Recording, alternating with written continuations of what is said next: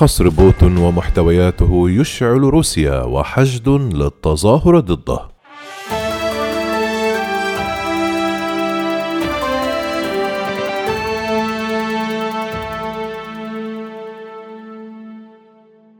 تحاول السلطات الروسية الخميس تطويق الدعوات إلى التظاهر ضد السلطة التي أججتها نسبة المشاهدة القياسية لتحقيق أعده المعارض الروسي المسجون أليكسي نافالني ويتهم فيه الرئيس فلاديمير بوتين بالفساد.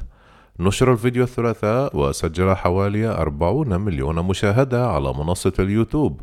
ويؤكد فيه أن الرئيس الروسي يمتلك من خلال أسماء مستعارة عقارا كبيرا وقصرا هائلا قرب مدينة غيلينجيك على ضفاف البحر الأسود.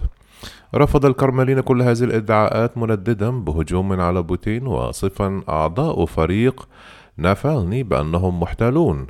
لكن هذا الفيديو أدى إلى آلاف من المنشورات على شبكات التواصل الاجتماعي دعما للدعوة إلى التظاهر السبت في كل أنحاء روسيا للمطالبة بالإفراج عن المعارض الروسي وهي تجمعات غير مرخصة من قبل السلطات وتمت تعبئة الشباب بشكل خاص على تطبيق تيك توك. من جانب آخر قال فريق نافالني لوكالة فرانس بريس أنه تلقى حوالي عشرة ملايين روبل أي ما يعادل 112 ألف يورو من التبرعات. والمعارض الذي تتجاهله وسائل الإعلام الوطنية التقليدية يحظى بشعبية فعلية ولديه جمهور واسع على الإنترنت خاصة لدى فئة جيل الشباب وفي المدن الكبرى. في موسكو تمكن من حشد أعداد كبرى من المتظاهرين قبل الانتخابات المحلية المثيرة للجدل في عام 2019 في مواجهة الدعوات إلى التعبئة السبت أعلنت النيابة الروسية الخميس عن إجراءات للحد من الوصول إلى المعلومات غير القانونية التي تنشر عبر الإنترنت وتشكل دعوات للمشاركة في أعمال جماعية غير مشروعة في الثالث والعشرون من يناير من عام 2021 من جهتها قالت وزارة الداخلية أنها مستعدة لحماية النظام العام السبت ووعدت بملاحقة مطلقي هذه الدعوات قضائيا. قبل ذلك بيوم وجه الدرك الروسي للاتصالات روسكو منندوروز تحذيرا لمنصات تيك توك ومنصة فوكوناتاكني الرديف الروسي لفيسبوك ليطلب منها حظر المحتوى التي يعتبر بمثابة دعوات إلى قاصرين للمشاركة في أنشطة غير مشروعة. حذر الكرملين أيضا من تظاهرات تصل إلى حد أنشطة غير مشروعة كما أفادت وسائل الإعلام المعارضة أن الطلاب الروس تلقوا رسائل من جامعاتهم تثنيهم عن المشاركة في هذه المسيرات. وإثر اعتقاله الأحد عند عودته من ألمانيا دعا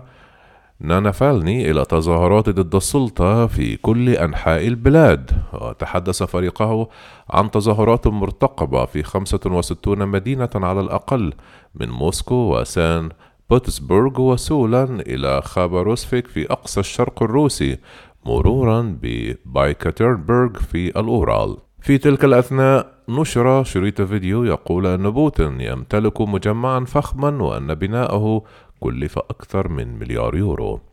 ويقول نافالني أن هذا المجمع الفخم جدا يضم بالإضافة إلى الكروم حلبة هوكي على الجليد وحتى كازينو وتم تمويل هذا المجمع بحسب المعارض من جانب مقربين من الرئيس الروسي على غرار رئيس شركة النفط الروسية العملاقة روسنفت إيغور سيتشين ورجل الأعمال غينادي تيمتشينكو وبحسب نفالني تم إنفاق 100 مليار روبل. أي ما يعادل مليار فاصل 120 مليون يورو لبناء هذا المجمع الذي تبلغ مساحته الكاملة سبعة آلاف هكتار وتعود ملكيته لجهاز الأمن الفيدرالي الروسي FSB كما ألقي القبض على الناشط المناهض للفساد البالغ من العمر 44 عاما الأحد عند عودته من ألمانيا حيث كان يتعافى من عملية تسميمه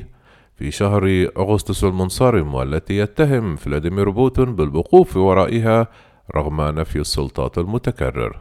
رفض الكرملين من جهته الثلاثاء المطالبة الغربية بالإفراج عن نافالني وسيبقى نافالني محتجزا على الأقل حتى الخامس عشر من فبراير إذ يؤخذ عليه انتهاكه شروط المراقبة القضائية التي يخضع لها من خلال انتقاله إلى الخارج لتلقي العلاج.